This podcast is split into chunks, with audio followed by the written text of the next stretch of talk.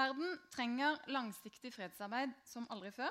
Og samtidig så er det globale konfliktbildet i endring.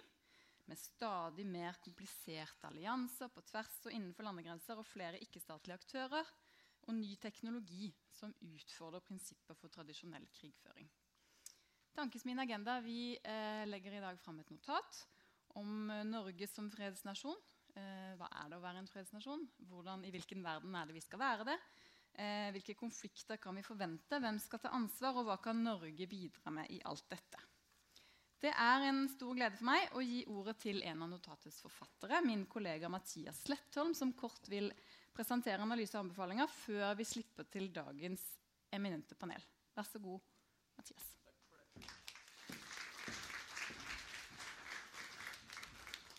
Ja, takk for det.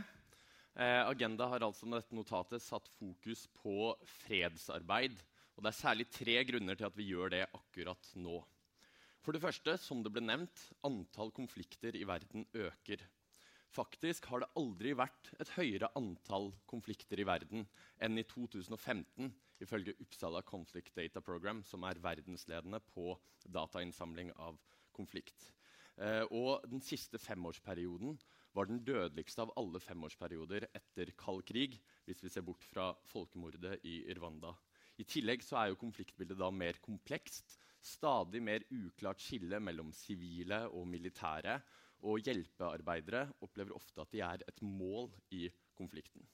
I tillegg som punkt to, ser vi en tendens til at egeninteresse og isolasjonisme blir stadig viktigere i internasjonal politikk. Kanskje særlig hos våre viktigste allierte USA, men også flere andre land i Europa har ledere som, som eh, legger, eh, snakker om at proteksjonisme er viktig. Og det å snu ryggen til verden det kan skade fredsarbeidet. I tillegg som det ble nevnt, så har jo Norge en lang tradisjon for fredsarbeid som stammer helt tilbake til Fridtjof Nansens tid som eh, Folkeforbundets første høykommissær for flyktninger. Og Norge har etter hvert deltatt i ganske mange fredsprosesser og ble kanskje for alvor kjent med Oslo-avtalen for 25 år siden. Så vi har ganske mye å bidra med. Men hvorfor skal Norge engasjere seg i fredsarbeid? Det er mange eh, mulige svar på det. Vi skisserer her tre hovedgrunner. Et moralsk, et økonomisk og et mer realpolitisk. Det første er det moralske. Det er riktig å jobbe for fred. Solidaritet og nestekjærlighet med mennesker som bor i konfliktområder, og som ikke er like heldige som oss og bor i kanskje verdens beste land, er en grunn i seg selv. For det andre så bidrar fred til globale fellesgoder. Eh, det er slik at fredeligere land ofte er rikere, ofte handler mer. Handler mer. Det er også godt for Norge. Kostnadene ved, ved borgerkrig er i gjennomsnitt, ifølge Prio, 10% av landets BNP. Det vil alltid være bedre å jobbe for fred og kostnaden ved krig i ren økonomisk forstand er veldig høy. I tillegg så er jo da alle de menneskelige kostnadene. Og For det tredje så gjør norsk fredsarbeid at Norge får mer innflytelse internasjonalt. Det gir oss tilgang på kontakter vi ellers ikke ville hatt. Og Norge kan oppleves som mer interessant hos en del stormakter. Og det er også et viktig. Så det er altså både moralske, økonomiske og realpolitiske grunner. I tillegg så har Norge noen fortrinn i fredsarbeidet. Eh, vi har ingen kolonihistorie, som mange europeiske land har. Vi oppleves ofte som en upartisk og nøytral part for mange. Og Norge preges av kort avstand mellom diplomati, sivilsamfunn, akademia og andre, og det kan vi utnytte i fredsprosesser. I tillegg så står Norge fritt til å snakke med mange som andre land ikke kan snakke med. Godt eksempel på det er FARC i forbindelse med fredsavtalen i Colombia. FARC står fortsatt på USAs terrorliste, som gjør at amerikanske diplomater ikke kan snakke med dem, og ble nylig tatt av fra EU sin terrorliste. Men det er også et viktig aspekt, den tilliten. Samtidig skal vi være ærlige på at Norge aldri kan lage fred alene. Vi er et lite land, men vi kan være gode på å få folk til bordet. Men samtidig skal vi være ydmyke på at vi aldri kan gjøre alt alene. Og så foreslår vi da noen grep i dette notatet for å gjøre fredsarbeidet bedre. For det første må det bli en bedre overgang mellom forhandling og det mer langsiktige utviklingsarbeidet i stater etter konflikt. Men det gjør også at vi må tenke nytt om hva fred er. Fredsavtale er ikke fred i seg selv. Det er implementeringen av fredsavtalen som skaper freden. Og det kan ta lang tid. Eh, og eh, det gjelder på alle nivåer. Det betyr også at innrammingen av norsk bistand må ses i lys av, av, et konfliktbilde i endring. Og hva vi gjør da etter en fredsavtale, er, er undertegnet. Eh, og det gjelder også på, på FN-nivå. FN må bli bedre. Mange steder så har FNs fredsbevarende operasjoner ingen fred å bevare. Og det er problematisk. Eh, et annet punkt er at vi må gi diplomater tid og tillit til å ta risiko. Det er bra at vi kan snakke med FARC, og, men fredsarbeidet krever også en spesialkompetanse og en dybdeforståelse av den politiske konteksten i et bestemt område. Norske diplomater trengs sårt i felt og jobbe der også lenge før noen vet om det. Og den tilliten den må fortsette. Og vi ser en, en, tid med stadig mer krav til resultater og, og rapport. Og vi håper at fredsarbeidet kan fortsette, og at vi kan beholde tålmodigheten her. I tillegg så mener vi at vi må bidra mer inn mot FN. Vi er gode til å gi penger til FN, men vårt bidrag f.eks. militært i FNs fredsbevarende operasjoner blir bare mindre og mindre. Faktisk er tall fra FN selv på styrkebidraget, altså det som på engelsk heter 'troops', fra Norge på bare ni stykker per april 2018. Det er veldig lite.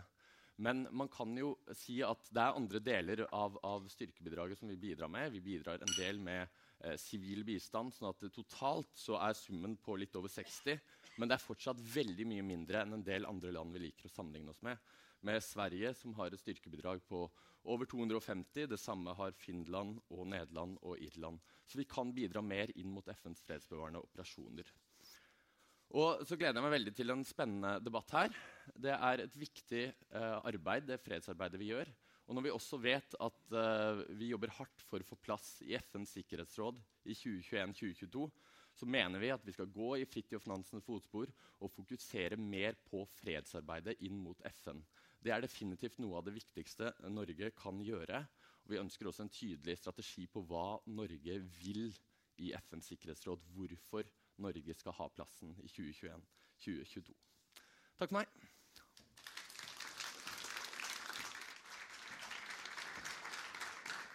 Tusen takk, eh, Mathias. Da er det en stor ære for meg å få ønske velkommen til et eh, knippe av noen av Norges aller klokeste, nemlig disse fire kvinnene. Utenriksminister Ine Eriksen Søreide, velkommen til deg.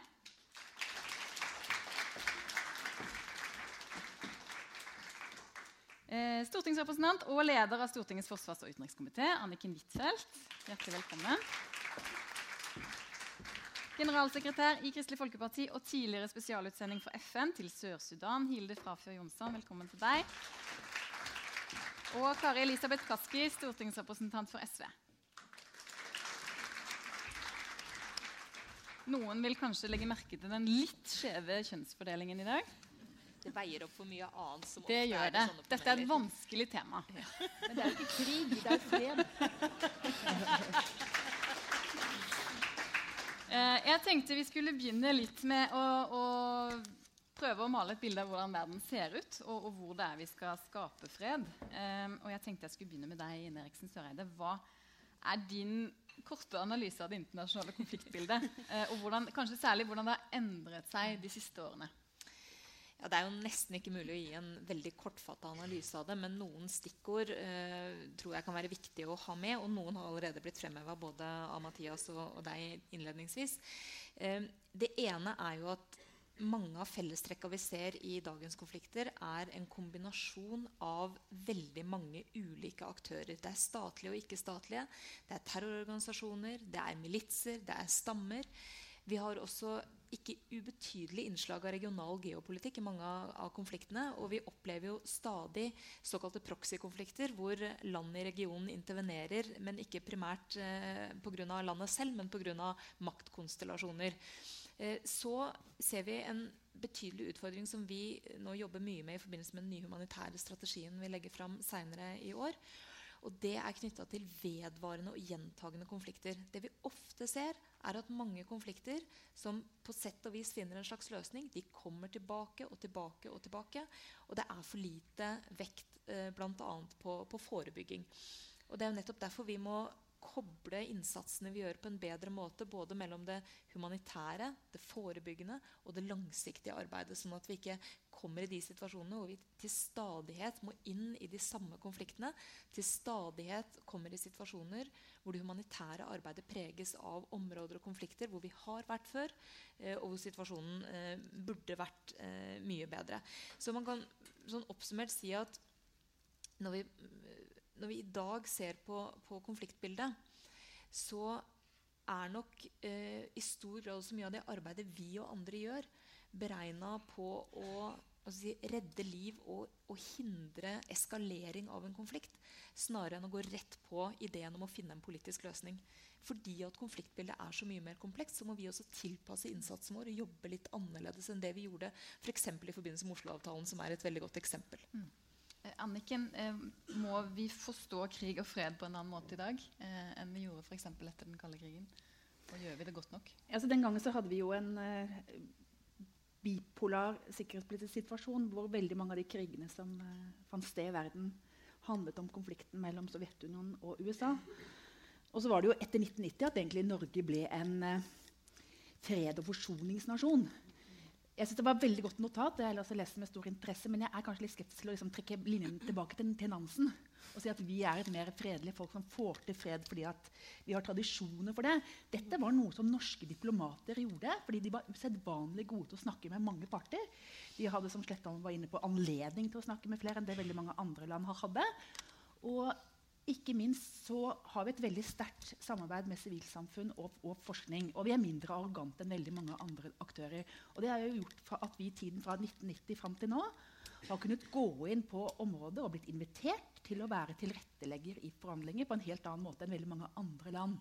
Og så er jo spørsmålet, Den nye sikkerhetspolitiske situasjonen gjør det at det er mer risikabelt nå enn før. Og da vil jeg si nei. Det er enda større behov for den kapasiteten som vi har bygd opp i en situasjon hvor vi ikke har en uh, bipolar konflikt, men vi har en multipolar konflikt. Hvor det er veldig mange av de uh, borgerkrigene vi ser omkring oss i verden, som handler om konflikter mellom flere aktører og flere land. Så det er i hvert fall mm. det som gjør at jeg mener at dette, denne rollen er enda viktigere enn før.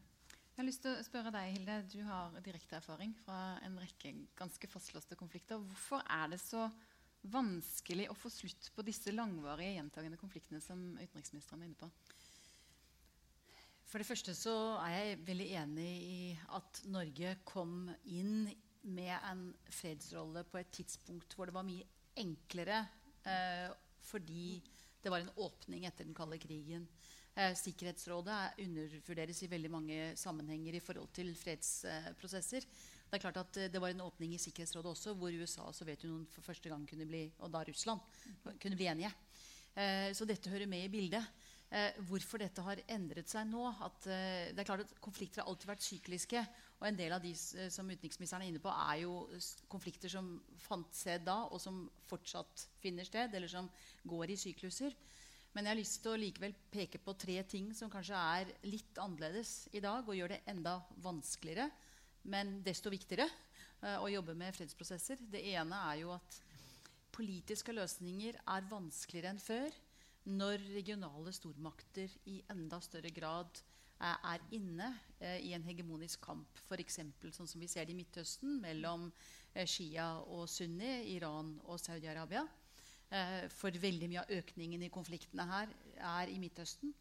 Eh, det er et eh, element som er viktig. fordi det er klart at Når regionale stormakter også støttes av andre stormakter, sånn som i tilfellet for Syria, hvor man går inn og allierer seg med ulike militser, og man har mye proxy-krig, eh, så blir det veldig vanskelig å finne en løsning. Eh, politiske løsninger er også litt vanskeligere å finne når eh, man ser en oppløsning av staten, eh, og hvor det er veldig uklart hvem det som, som faktisk er som har territoriell kontroll. Uh, og hvor f.eks. dette som kalles utvinnings uh, extractive industries, som egentlig ikke er en industri i de fleste av disse landene, hvis vi nå snakker om f.eks. Sentral-Afrika, men hvor man henter ressursene sine fra diamanter og den type ressurser.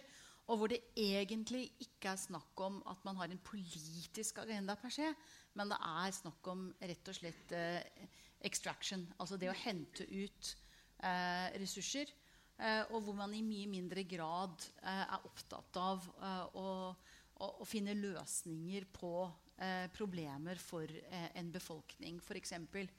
Eh, og det tredje elementet er jo at eh, man har eh, elementer nå i deler av Nord-Afrika, Sahel og Midtøsten som egentlig har en helt annen agenda enn den politiske, nemlig terror, terrorisme. Eh, og når du snakker om det, så er det klart at eh, det er ikke forhandling de er interessert i, de, de, mest ekstreme.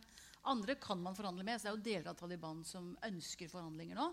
Men uh, det er altså veldig mange andre, sånn IS og andre terrorgrupper, som ikke ønsker forhandling, og som på en måte ikke ønsker en forhandlingsløsning på et problem. Mm.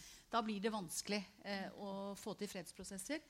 da må man på en måte se om det fins moderate krefter man kan snakke med. Så de tre elementene gjør at det er, mer, eh, det er mye kre mer krevende eh, å få til politiske løsninger enn før. Og da eh, blir det sånn at eh, fredsprosesser blir veldig komplisert. Mm. Så nå håper jeg ikke lager, gjør folk enda mer deprimert. Så det er absolutt det siste poenget at det er viktigere enn før. Men det er mye mer krevende. Du skal få lov å komplisere det ytterligere, Kari Elisabeth. Eh, hva tenker du er de viktigste nye elementene i krig og konflikt som vi må forstå hvis vi skal være med å lage fred?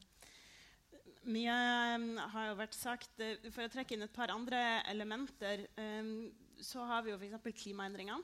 Um, som helt åpenbart uh, har vært en faktor både i krigen som vi ser i Syria, men også eh, knytta til Sudan.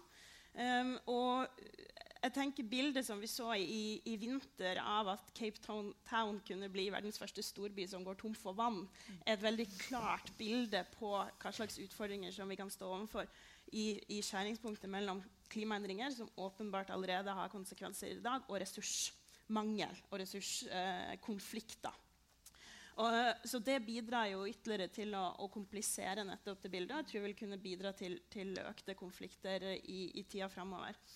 Eh, så har det jo noe som også dette notatet går inn på, er jo teknologiutviklinga. Eh, som jo vi i SV har vært opptatt av at vi burde diskutere i større grad eh, i Norge. Utviklinga av droner og annen teknologi som gjør at krig kan føres på en annen måte enn tidligere. Både at du flytter krigshandlingene lengre unna uten at du trenger å sende mennesker dit. Um, og, og, flytter det liksom i enda større grad ut av eh, den offentlige debatten. Og det har det jo vært kanskje mer diskusjon om i andre land som, som har hadde, uh, eller som driver på med, med krigføring uh, via droner. Men, men, den diskusjonen tror jeg også det er behov for å få også i Norge i større grad, fordi at det vil spille inn også i denne diskusjonen, diskusjonen framover hvorvidt det er behov for lovendring in internasjonalt, og hvordan det kommer til å påvirke, påvirke konfliktene. Og til slutt så, så peker jo også det her notatet på at um, der du ser sant, i dag ja, det, det, konfliktbildet som tegnes opp, er mer komplisert. Det er flere konflikter. Og det er også en større korrelasjon mellom uh, folk som lever i fattigdom, og i konfliktområder. Og det å klare å sikre liksom, langvarig og langsiktig stabil utvikling eh, i større grad eh, for eh, å nettopp kunne bidra til eh, å forebygge konflikter og bidra til å, også kunne håndtere de ressurskonfliktene som vi kommer til å stå overfor, blir ekstremt viktig. Eh, og må vi klare uansett hvis vi skal lykkes uh, si, som sivilisasjon og menneskehet framover. Mm. Jeg har lyst til å, å, komme litt inn på freds arbeid når vi først går inn i en av disse eh, komplekse eh, konfliktene. Jeg tenkte skulle, du skulle få lov å skryte litt, Søreide. Um, for vi eh, skal snakke litt om en fredsprosess som er ganske ny og fortsatt skjør eh, i Colombia. Og der Norge har spilt en viktig rolle, så den kan jo være litt sånn case. Eh, men i tillegg til å, hva som var riktig i den prosessen, hva er det som kan gå galt, og som vi må passe på der? Jeg kan jo si mye om eh, fredsprosessen i Colombia, som jo har pågått over veldig veldig mange år. Hvor Norges rolle har vært å være tilrettelegger sammen med andre land, eh, bl.a. Cuba. Eh, og der vi jo lenge før det ble kjent at det var en prosess på gang, hadde kontakter med partene. Og det er jo helt riktig som eh, jeg tror det var Anniken som sa, at vi hadde jo f.eks. muligheten til å ha kontakter med FARC. Og det som viste seg å være en, en, viktig nøkkel i de forhandlingene, det var jo bl.a. dette langvarige engasjementet, tålmodigheten, villigheten til å ta politisk risiko, for det må man faktisk være villig til. Det kan et, altså, veldig mange sånne prosesser gå gærent. Eh, de lykkes ikke. Men det er ikke noe argument for å ikke sette dem i gang. Men vi må være forberedt på at veldig mange prosesser ikke kommer til å lykkes, men allikevel eh, ha en viss eh, modighet i det å, å sette i gang. Uh, og det var også helt avgjørende at det fantes en politisk vilje til å overstige noen grenser for alle parter. Og det har man virkelig gjort i den, uh, i den fredsprosessen. Og man fikk jo da et, et vellykka resultat, en fredsavtale. Men den er jo nå i en veldig kritisk implementeringsfase. Og, og det er sånn som vi vurderer det, mange faktorer som uh, spiller inn på det. det ene er selvfølgelig spørsmålet om det tok for lang tid med selve eh, prosessen, og at man egentlig har beregna litt for kort tid til implementeringa. Oppå det så skal det jo nå innsettes en ny president, eh, som jo, der vi jo ser at helt uavhengig av hvem som til slutt skulle gå av med seieren, eh, så er ikke engasjementet for og bindinga til fredsavtalen like sterk. Det er en, en risikofaktor. Det andre er reintegrering av tidligere FARC-soldater. FARC er jo nå blitt et politisk parti som skal ha en lovmessig representasjon i parlamentet. Men utfordringa er jo fortsatt at de som tidligere var FARC-soldater, må jo ha noe bedre å gå til for ikke å bli en del av illegale eh, grupperinger i Colombia, som jo er en stor risiko for. Eh, og dermed så er vi avhengig av at de faktisk får arbeid og utdanning, bl.a. Det arbeidet har gått saktere enn forventa. Eh, et tredje element er at det fortsatt ikke er noen endelig avtale på plass mellom eh, den colombianske regjeringa og ELN. Der jobber jo også Norge med tilrettelegging for at vi skal få det til. Der har det vært våpenhviler, eh, men ingen endelig fredsavtale, som også er veldig viktig. Så det er egentlig mange, som alltid, men særlig i denne situasjonen, mange hindre på vei til at man får en implementering av en fredsavtale. Og det er jo årsaken til at vi har vært veldig sterkt engasjert også i implementeringsfasen. Ikke bare fram til man signerer avtalen og man kan stå, stå, på TV og fortelle at nå har det gått bra. Vi har et ansvar for å følge opp også etterpå. Så vi legger press på colombianske myndigheter. Statsministeren var nettopp på reise til Colombia og Mexico for å bygge opp under dette poenget. Og vi bidrar altså fortsatt til det som er de kritiske implementeringsfaktorene, som gjelder særlig reintegrering av FARC, og som gjelder avtale med ELN. Får vi ikke det på plass, så er det selvfølgelig en risiko for at hele fredsavtalen kan bli nettopp en, en fin avtale men som ikke implementeres. Og Det at det nå er en, en skjør implementeringsfase, det at det er vanskelig å vite om det politiske engasjementet og eierskapet til avtalen vil være like sterkt med et nytt politisk regime, det er en kilde til, til, mye bekymring for oss, som vi bruker veldig mye tid og ressurser på. Og det er flere som sitter i salen her som har vært sterkt engasjert i, i um, forhandlingene på ulike nivåer og på implementeringa. Uh, og de kan nok også tegne et bilde av en, en, prosess som har behov for fortsatt betydelig politisk oppmerksomhet både fra oss, fra garantistlandene og ikke minst fra colombianske myndigheter og fra, fra FARC. Mm. Hilde, dette høres kanskje kjent ut for deg. Hva, hva, er, hva er gode ingredienser i en fredsprosess? Ja, det er veldig kjent. Og jeg tror man eh, i, på Colombia har tatt litt lærdom av uh, norske erfaringer tidligere. Mm. Bl.a. på Sudan, som jeg jo var, var sentral i, i, forhandlingene på. Uh, og en av de tingene som jeg syns fanges opp i rapporten på en bra måte, det er nettopp at en fredsprosess uh, er hele tidsspennet. Jeg har lyst til å sette det litt, enda litt mer på spissen og si at fredsavtaler eh, er egentlig bare et steg på veien. Det er en signatur eh, om forpliktelse til fred mellom de partene som undertegner.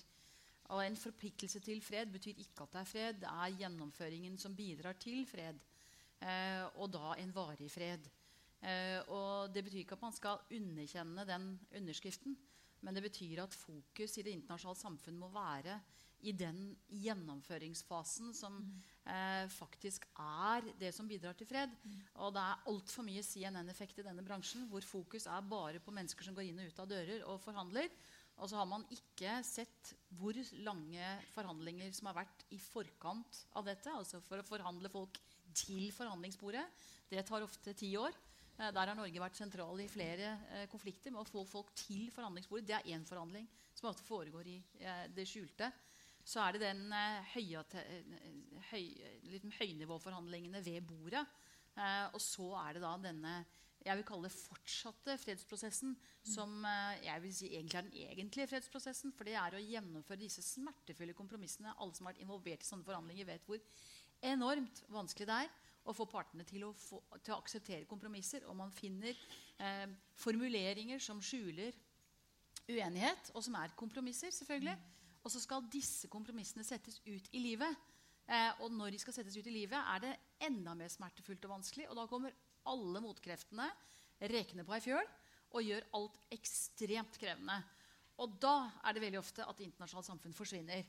Og så outsourcer man dette til to aktører. Det ene er å sende soldater ut med FN-sjapå på. Og det andre er altså FN-operasjon, som jeg har ledet også. Og det andre er å eh, outsource det til bistand. Ingen av delene er er tilstrekkelig.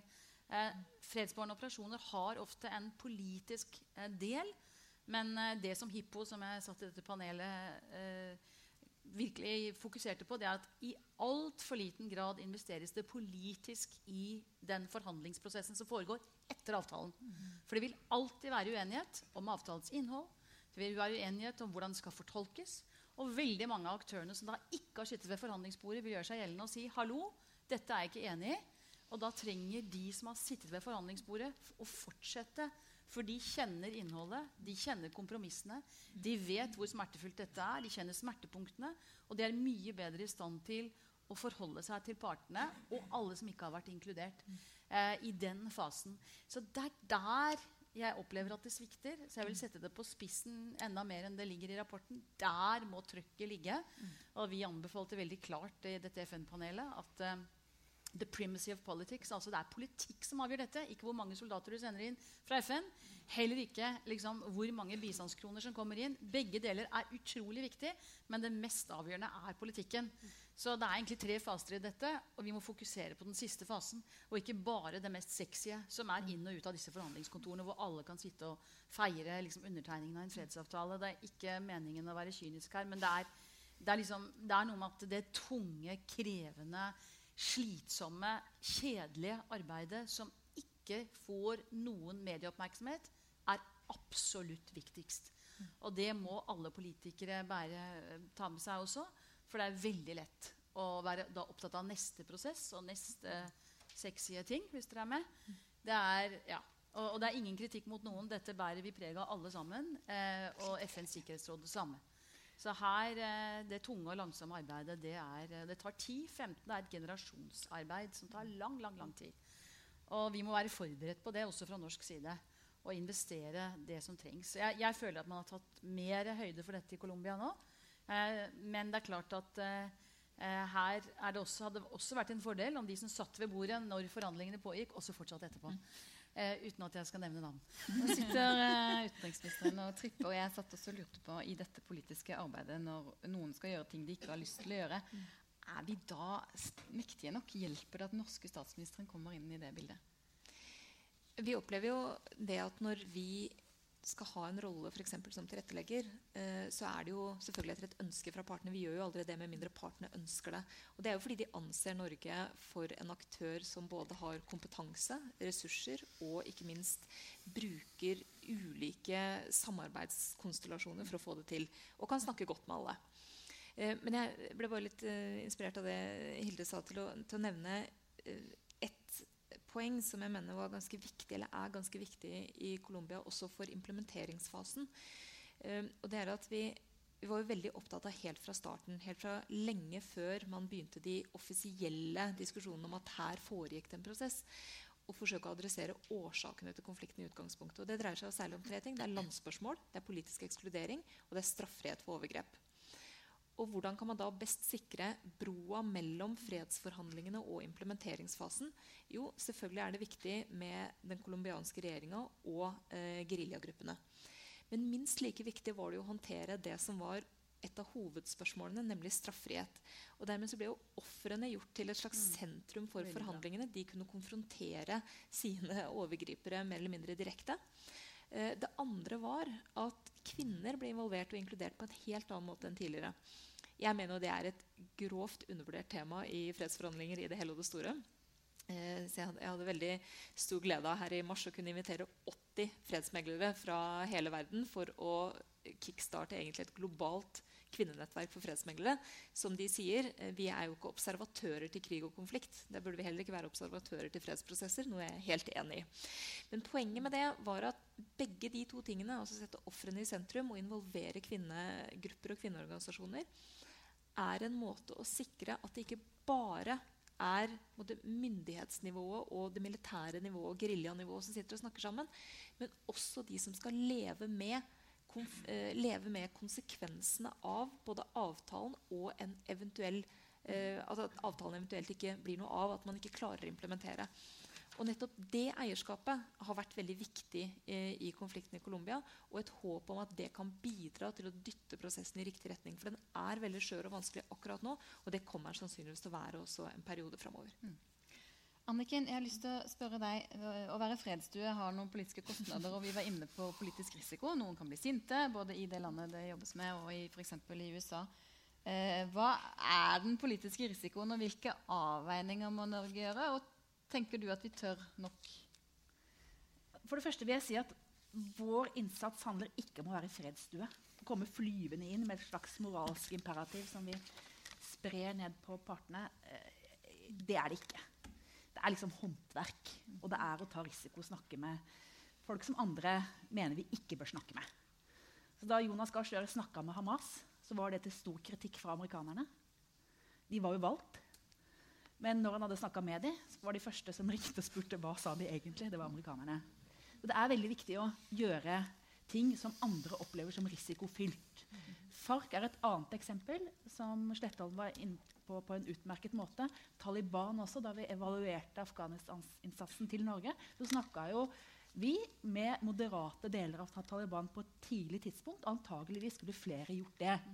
Uten å informere våre allierte. Og slik var det også under det som man før kalte Midtøsten-konflikten, altså konflikten mellom palestinerne og israelerne, altså det gjorde vi fordi vi var til å stole på. Så du må ha politikere som er modige. Og som ikke finner seg i den at hvis man har noen man er uenig i, så skal man ekskludere dem. Og så tror jeg det er viktig det som blir sagt om å involvere ofrene. fordi at offeret i enhver konflikt kan være et instrument for parter i konflikten som vil holde den ved live og bruke deres lidelse til å legitimere en slags hevn. Så Det tror jeg er noe av den viktigste lærdommen. Og så er jo lærdommen også da fra spesielt konflikten mellom israelere og palestinere at vi ikke i tilstrekkelig grad um, involverte regionale aktører, slik at palestinerne ikke turte å skrive under på avtalen til slutt fordi de følte at de ikke hadde, hadde støtte blant uh, sterke regionale aktører. Det er modighet. altså. Det er å ikke alltid gjøre som de nært allierte mener. Mm. Uh, en skillelinje uh, i utenrikspolitikken som kan vel av og til fremstå som å være hvorfor er det vi skal gå inn og, og, og gjøre denne jobben her? Er det fordi det er i vår interesse, eller er det fordi uh, av vårt gode hjerte? er det et moralsk ansvar og fellesgoder? Skal vi begrunne fredsarbeidet i norske interesser eller i noen slags verdier? Og er det egentlig en motsetning mellom de to, Hilde? Jeg kommer jo fra en tradisjon eh, med en mer verdibasert eh, utenrikspolitikk. Eh, hvor vi skal drive med fredsprosesser fordi det er riktig, og fordi det er viktig. Begge deler. riktig og viktig. Men med viktig definerer ikke vi i den partitradisjonen jeg står i, det at det er i tråd med norske interesser. Eh, viktig for oss vil være at det er i det globale fellesskapets interesse. Um, og vi har et uh, klart forbehold når uh, norsk fredspolitikk skal styres av norske interesser. Og da kan jeg bare ta liksom, en, en, parallell til det. er jo at uh, Det var i, på 90-tallet, tidlig 90-tallet, den gangen satt jeg på Stortinget, debatt om nettopp dette.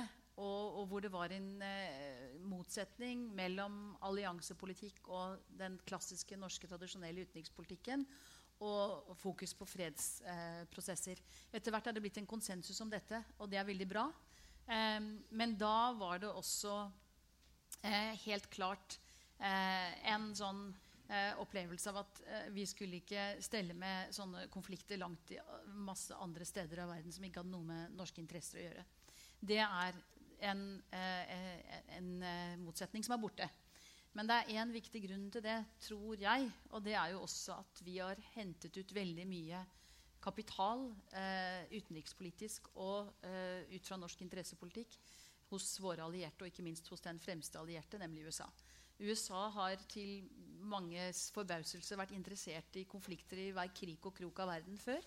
Eh, og norske bidra, det norske bidraget her har jo vært eh, høyt verdsatt i Washington. Det har vært mange av oss som har fått møte på et, et nivå langt over det vi hadde da vi var, eh, da, da vi var statsråder, f.eks. Eller hvis man da er i en, eh, en fredsmeklingssituasjon, så kan man der også eh, møte sant, et amerikansk utenriksapparat som er ekstremt interessert. Eh, det som er spørsmålet nå, er nå har vi et, eh, amerikansk, eh, en amerikansk administrasjon som ikke er like interessert i dette. Og da er det viktige spørsmålet er det fortsatt viktig, og er det fortsatt riktig. Eh, er, når ikke dette gir så mye mileage i Washington, og, det er ikke verken et apparat som er i stand til å ha dialog med Norge om disse tingene altså Det er i hvert fall færre på politisk nivå i Washington enn før. Og det er en åpenbar eh, interesse som går i retning av amerikanske egeninteresser, og i mye mindre grad eh, opptatt av fredsprosesser eh, ute i andre deler av verden. Og da er spørsmålet når det ikke gir så mye i Washington, er det fortsatt riktig og viktig? Eh, det er et eh, spørsmål som vi må gjøre opp for oss selv i Norge. Og mitt svar er helt, helt klart og utvetydig ja. Og nå skal jeg gjøre som Trump. Jeg skriver det i capital letters. JA. Kari Elisabeth. Um, til den diskusjonen rundt liksom, fredsnasjon, da, for å ta den aller først, så kan man jo diskutere på en måte når det starta. Og det er jo helt klart at vi, vi, er en fredsnasjon med en god del paradokser også. Men, men jeg tror også det er en sånn viktig marsjordre fra, fra folket og da, på sett og vis, til oss som politikere om at man anser det her som viktig. Eh, og at det forplikter oss også framover, ikke bare på bakgrunn av vår historie, men også framover på hva vi skal, skal gjøre. Og i den diskusjonen rundt rundt både utenrikspolitikken, alliansepolitikken og fredspolitikken, så er det jo også viktig å være klar over at det ligger en god del uh, målkonflikter som, som, vi med fordel kunne ha diskutert enda mer. Eh, både når man snakker om utenrikspolitikken som sådan, fredspolitikken, alliansepolitikken og utviklingspolitikken. Mm. Og, og, jeg vil jo argumentere sterkt for at de målkonfliktene og, og, på en måte veien vår fremover som, som fredsnasjon da, burde være mye mer oppe til åpen debatt. Eh, og, og, vi burde ha mer både diskusjon og, og, tydelig uenighet rundt også. At det tror jeg tjener, tjener saken eh, når det kommer til Norges rolle for å kunne skape, skape, fred. Så er det mange eh, av de andre i panelet som har vært innom noen av Norges virkelige liksom, fortrinn når det kommer til å, å jobbe eh, i fredsforhandlinger og jobbe for å skape fred. Den uavhengigheten er viktig å understreke. det at vi kan snakke med alle. Men også den, den store fagkompetansen og de erfaringene vi faktisk sitter på her i Norge. Eh, både i, i regjeringsapparatet, i departementene og, og, i diplomatiet, men også i sivilsamfunnet. Eh, som, som, det er viktig å trekke, trekke, mye på og bygge opp under. Um, så tror jeg det er viktig å ha med seg også noen av de paradoksene som, som Norge som, som, fredsnasjon også eh, har. Det dreier seg om Norges bidrag i militære operasjoner. Eh, som er en helt åpenbart bit av debatten. Nå pågår det en, en uh, diskusjon rundt Norge Norges bidrag i opptrening av styrker eh, som, som, kjemper mot, mot Assad i Syria. Eller mot IS, men der det har vært en diskusjon om de også har kjempa mot Assad, eller hva de også har, har, gjort, og den store usikkerhet rundt hvem de aktørene er, og som, burde, eh, og som jo SV ønsker å ha mer diskusjon rundt om. Det er også eh, våpeneksportbiten vår med, eh, med eh, salg av både forsvarsmateriell og, og våpen til aktører som, som, kan være involvert i konflikter. Og det er diskusjoner som, som jeg tror eh, mange har med seg, og som mange tenker på når du kommer inn i diskusjonen rundt Norge som, som fredsnasjon. Og de konfliktene ser du jo veldig godt, og de målkonfliktene ser du veldig godt i den Afghanistan-evalueringa som, som, vi fikk på plass, og der du så nettopp noen av de eh, målkonfliktene ble trukket opp. Og vi er jo veldig spent på eh, rapporten som kommer om evalueringa av Libya, eh, som vel kommer nå ganske snart, tror jeg, eh, og som jeg håper vil kunne også bidra til en en, bred debatt i Norge. Anniken, interesser eller verdier? Altså, jeg kommer fra en litt annen politisk tradisjon enn Hilde. Vi har diskutert dette en gang en del. Og, altså, egeninteresse er ikke for meg et negativt ladd ord som kan likestilles med egoisme. Altså, egeninteresse er kjernen i solidaritetsspørsmålet. At jeg tjener på, eller vi tjener på sammen å gjøre noe for andre. Hvis dere har lest, eller noen har kanskje hørt om stortingsmeldinga som Jonas Gahr Støre la fram om norske interesser, så handlet det nettopp om å skape en slags syntese da, mellom norske verdier, norske egeninteresser, og et, eh, at det er norske interesser også bidrar til konfliktdemping i andre land. Og det er en verdi, for vi lever i en global verden. Men det er jo også viktig fordi at Norge blir interessant som nasjon. Det ble jo sagt om Jan Petersen at da han gikk på som utenriksminister, så var han for å få en mer realpolitisk eh, utenrikspolitisk linje fra Norge. Og at vi skulle ikke engasjere oss veldig mange steder rundt i, i verden. Vi skulle gå på det som var kjerneinteressene våre. Men da amerikanerne ringte, så spurte de ikke hva han mente om Nato. De spurte hva er Norges eh, take nå på situasjonen på Sri Lanka. Så det er klart at Vi ble også mer interessante for mange allierte fordi vi spiller den rollen. Vi blir viktigere som nasjon. Og så vil jeg også si at Det er ikke noen motsetning eh, mellom det å være en humanitær aktør, en eh, aktør som kan bidra til fred og forsoning, og det å ha militært engasjement. I veldig mange av de konfliktene som vi har vært en del av, så har vi gjort begge deler. Vi har både spilt en rolle på bakrommet, og vi har hatt og deltatt gjennom både FN og Nato på ulike måter. Og ja, dette er problematisert i Afghanistan-evalueringen, men det viser også at det er mulig å gjøre begge deler på en gang. Vi gikk først og snakket med de moderate delene av Taliban, men vi hadde også et militært engasjement. og det fins veldig mange andre sånne konflikter. Så skal vi ha en åpen diskusjon. Ja, det er jeg enig i. Men kjernen i dette her da, er jo at norske diplomater og norske NGO-er og norske forskere holder kjeft. Det er derfor de er til å stole på. Jeg er sikker på at du ikke mener at man skal snakke rundt omkring om dette. Men det er klart at det er veldig mange fredsinitiativer som vi har vært med på å ta, som har gått skikkelig dårlig. Så de som er opptatt av effektiv bistand, at alt skal virke, det er ikke dette noe lurt område. Altså, for de fleste går ikke. Men hvis det går, så har det så enorm betydning. Ja, jeg tror eh, Det er viktig å, å, alltid ha en god dose realisme med seg når man diskuterer de spørsmålsstillingene her. Eh, for Norge som for alle andre land så må vi være realistiske og erkjenne at eh, militær maktbruk og militære virkemidler er av og til nødvendig både for å opprette og for å bevare en fred. Det er jo mye av dilemmaet i dag, som også Mathias var inne på innledningsvis, nemlig at FNs fredsbevarende operasjoner for eksempel, har jo strengt tatt ofte ingen fred å bevare. Og de har en helt annen karakter nå enn de hadde for en god del år siden. Også med tanke på risikobildet.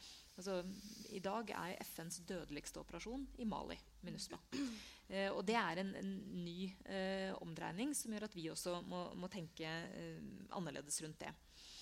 Så er jeg helt enig at det ikke er noen motsetning mellom det å måtte være verdiorientert, eh, det å drive fredsdiplomati og fredspolitikk, og samtidig ivareta våre interesser.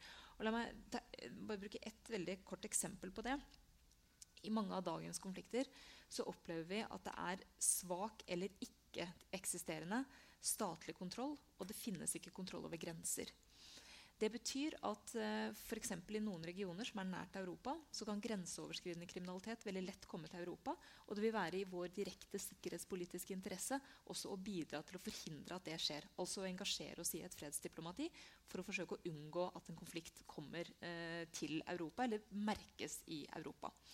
Eh, så, så, det går an å gjøre begge deler. og jeg, jeg er nok ikke helt enig i Hildes analyse av at USA er mindre interessert i eh, diskusjoner om fredsforhandlinger eh, og fredsdiplomati. De er ikke like artikulerte om det utad, men vi opplever fortsatt en veldig stor interesse for det arbeidet vi gjør i mange konflikter og med mange parter, som fortsatt er av en sånn karakter at bl.a. amerikanerne eller andre ikke har dialog med dem. Eh, og, det kommer vi til å fortsette med. Og skulle den interessen på mystisk vis forsvinne, så kommer vi fortsatt til å holde på med det. fordi det er også i vår eh, interesse. Men vi er nødt til å ha forutsetninger for å kunne gjøre en innsats. Det er jo ikke sånn at Norge vil være den beste partneren i enhver konfliktsituasjon. Ofte så vil det være andre som kan være bedre egna enn oss. Da må vi ta en reell vurdering av at det er det mest fornuftige. Mens i noen sammenhenger så er bl.a. erfaring av kompetansen og inntaket vi har hos partene, det viktige. Og det er nettopp den, den kunnskapen, erfaringa, den, den si, verktøykassa vi har, som er interessant for mange. Og da er jo bl.a. et sånt, så enkelt eksempel som at vi kan tilby eh, en slags oppskrift på løsning av et bestemt spørsmål i en ny konflikt, med erfaring i forslag vi har fremma før i andre konflikter, noe som er verdifullt, og som, som gir vårt arbeid eh, god verdi. Eh, og vi ser Når vi arrangerer nå Osloforum for er det 16. gang, hvis jeg nå ikke husker feil, eh, nå senere i juni på Losby, samler veldig mange aktører som er interessert i å snakke om erfaringer, som er interessert i å ikke minst knytte kontakter, diskutere. Eh, og det er jo en arena som han er sagt blir nesten større og viktigere år for år, og som jo ikke ville vært interessant dersom ikke partene følte at de fikk noe ut av det, og dersom de ikke følte at vår rolle, til tross for at vi også tar hensyn til hva som er i våre interesser, var viktig. Jeg har lyst til å komme litt inn på hva det er vi kan gjøre bedre. Eh, for det er det vel alltid. Og Kari Elisabeth har bedt om ordet, så vi skal få begynne med det. Det var egentlig bare for å kommentere til, til Anniken rundt det med åpenhet.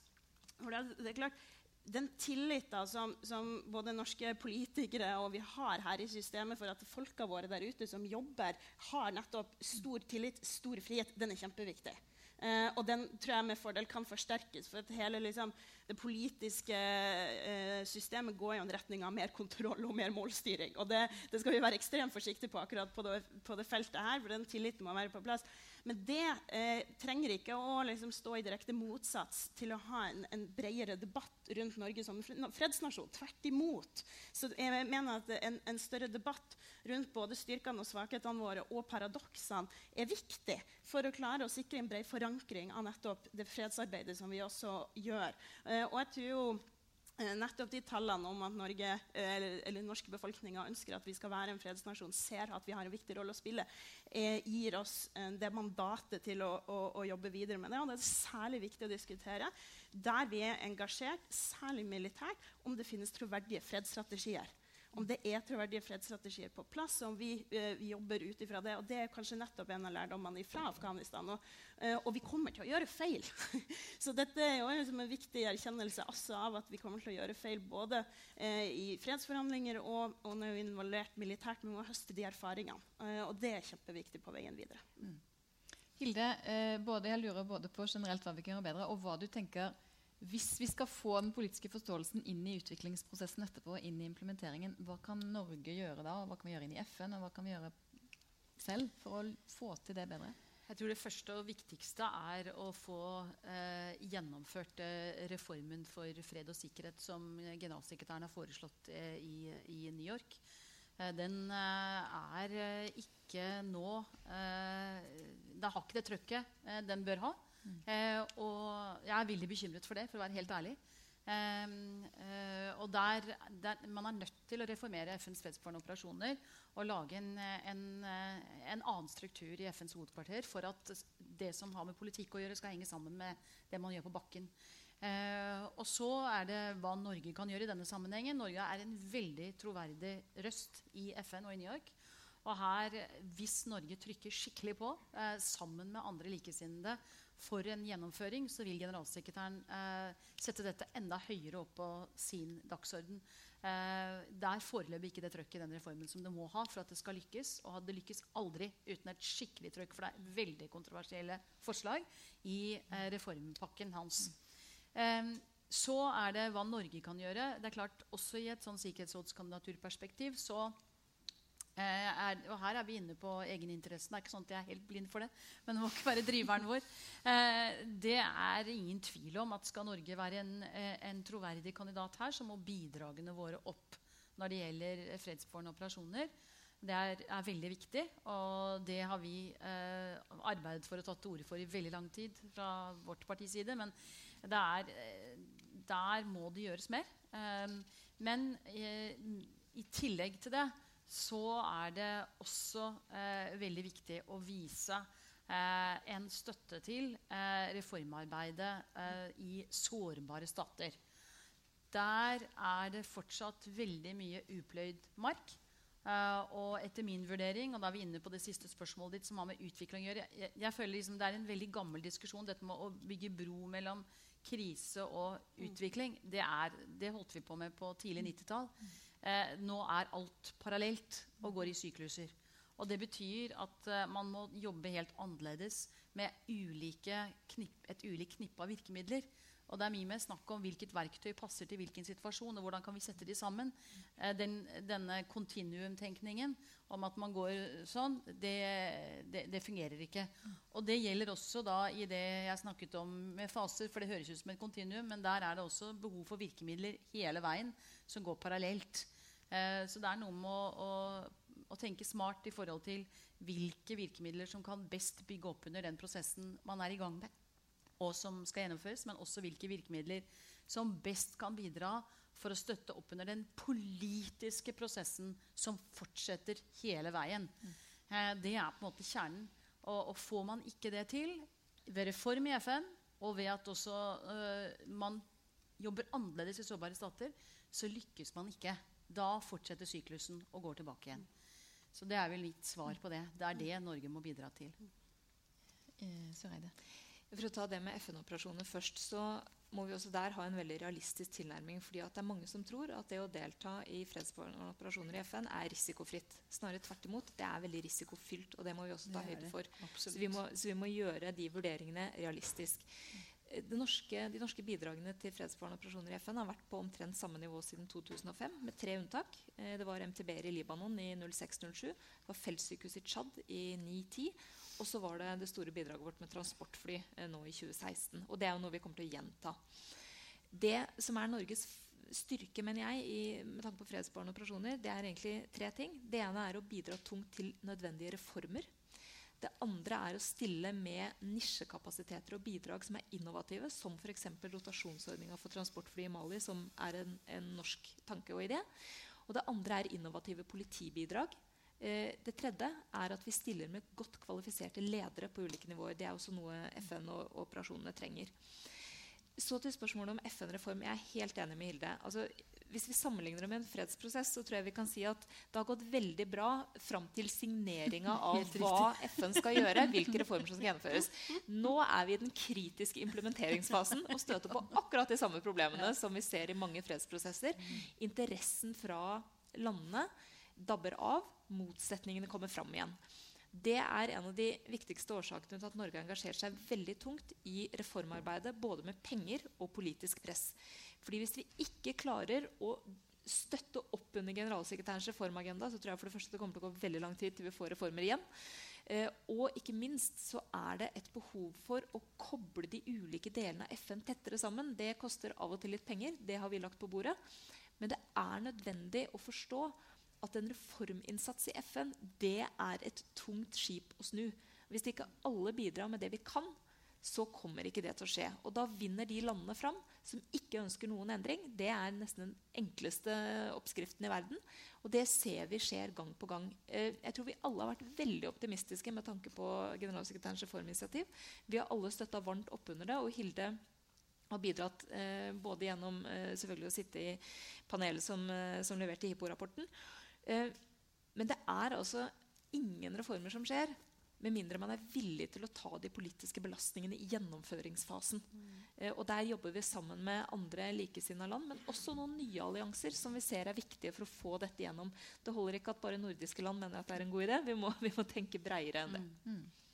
Annike, du skal få siste ord. Hva kan vi gjøre enda bedre?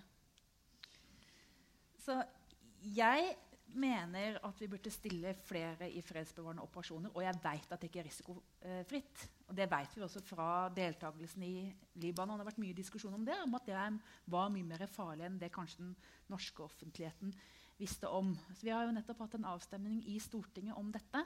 Hvor Senterpartiet og KrF og Arbeiderpartiet stemte for å pålegge regjeringen å komme tilbake med forslag til å øke norsk deltakelse i flere internasjonale operasjoner, men hvor SV sikra flertall med regjeringen, så det forslaget falt. Jeg mener jo at det er grunnlag for å gjøre det nå i mye større grad. På 90-tallet sto jo Nato for omtrent halvparten tror jeg, av eh, soldater som deltok i fredsbevarende operasjoner. Nå er det vel om lag 2 så mener ikke jeg at vi skal øke antallet slik vi hadde under Libanon. For vi er jo kjennetegnet ved at vi har norske soldater med vel god spesialkunnskap, men mer deltakelse. Det er også viktig. For de siste årene har vi hatt store norske bidrag både i kampen mot terror og i Afghanistan. Nå er det også lavt. Så jeg mener at Det handler om støtte til det internasjonale multilaterale samfunn. At vi også bidrar med flere soldater her. Og et land som Irland har jo et langt større engasjement på dette området. Så har jeg respekt for at man skal ikke hoppe inn i operasjoner som eh, ikke vi har kompetanse til, nærmest som en slags politisk demonstrasjon. Men jeg mener at det burde være et langt større uttrykt politisk vilje om å delta også her. Jeg skulle gjerne hatt dere her hele dagen. Det må jeg ikke. Eh, tusen hjertelig takk til alle dere som kom for eh, kloke ord og tanker. Takk til alle som hørte på. Last ned notatet vårt. Eh, og følg oss på Facebook og sosiale medier, så får dere flere sånne møter. Takk for i dag. Tusen takk.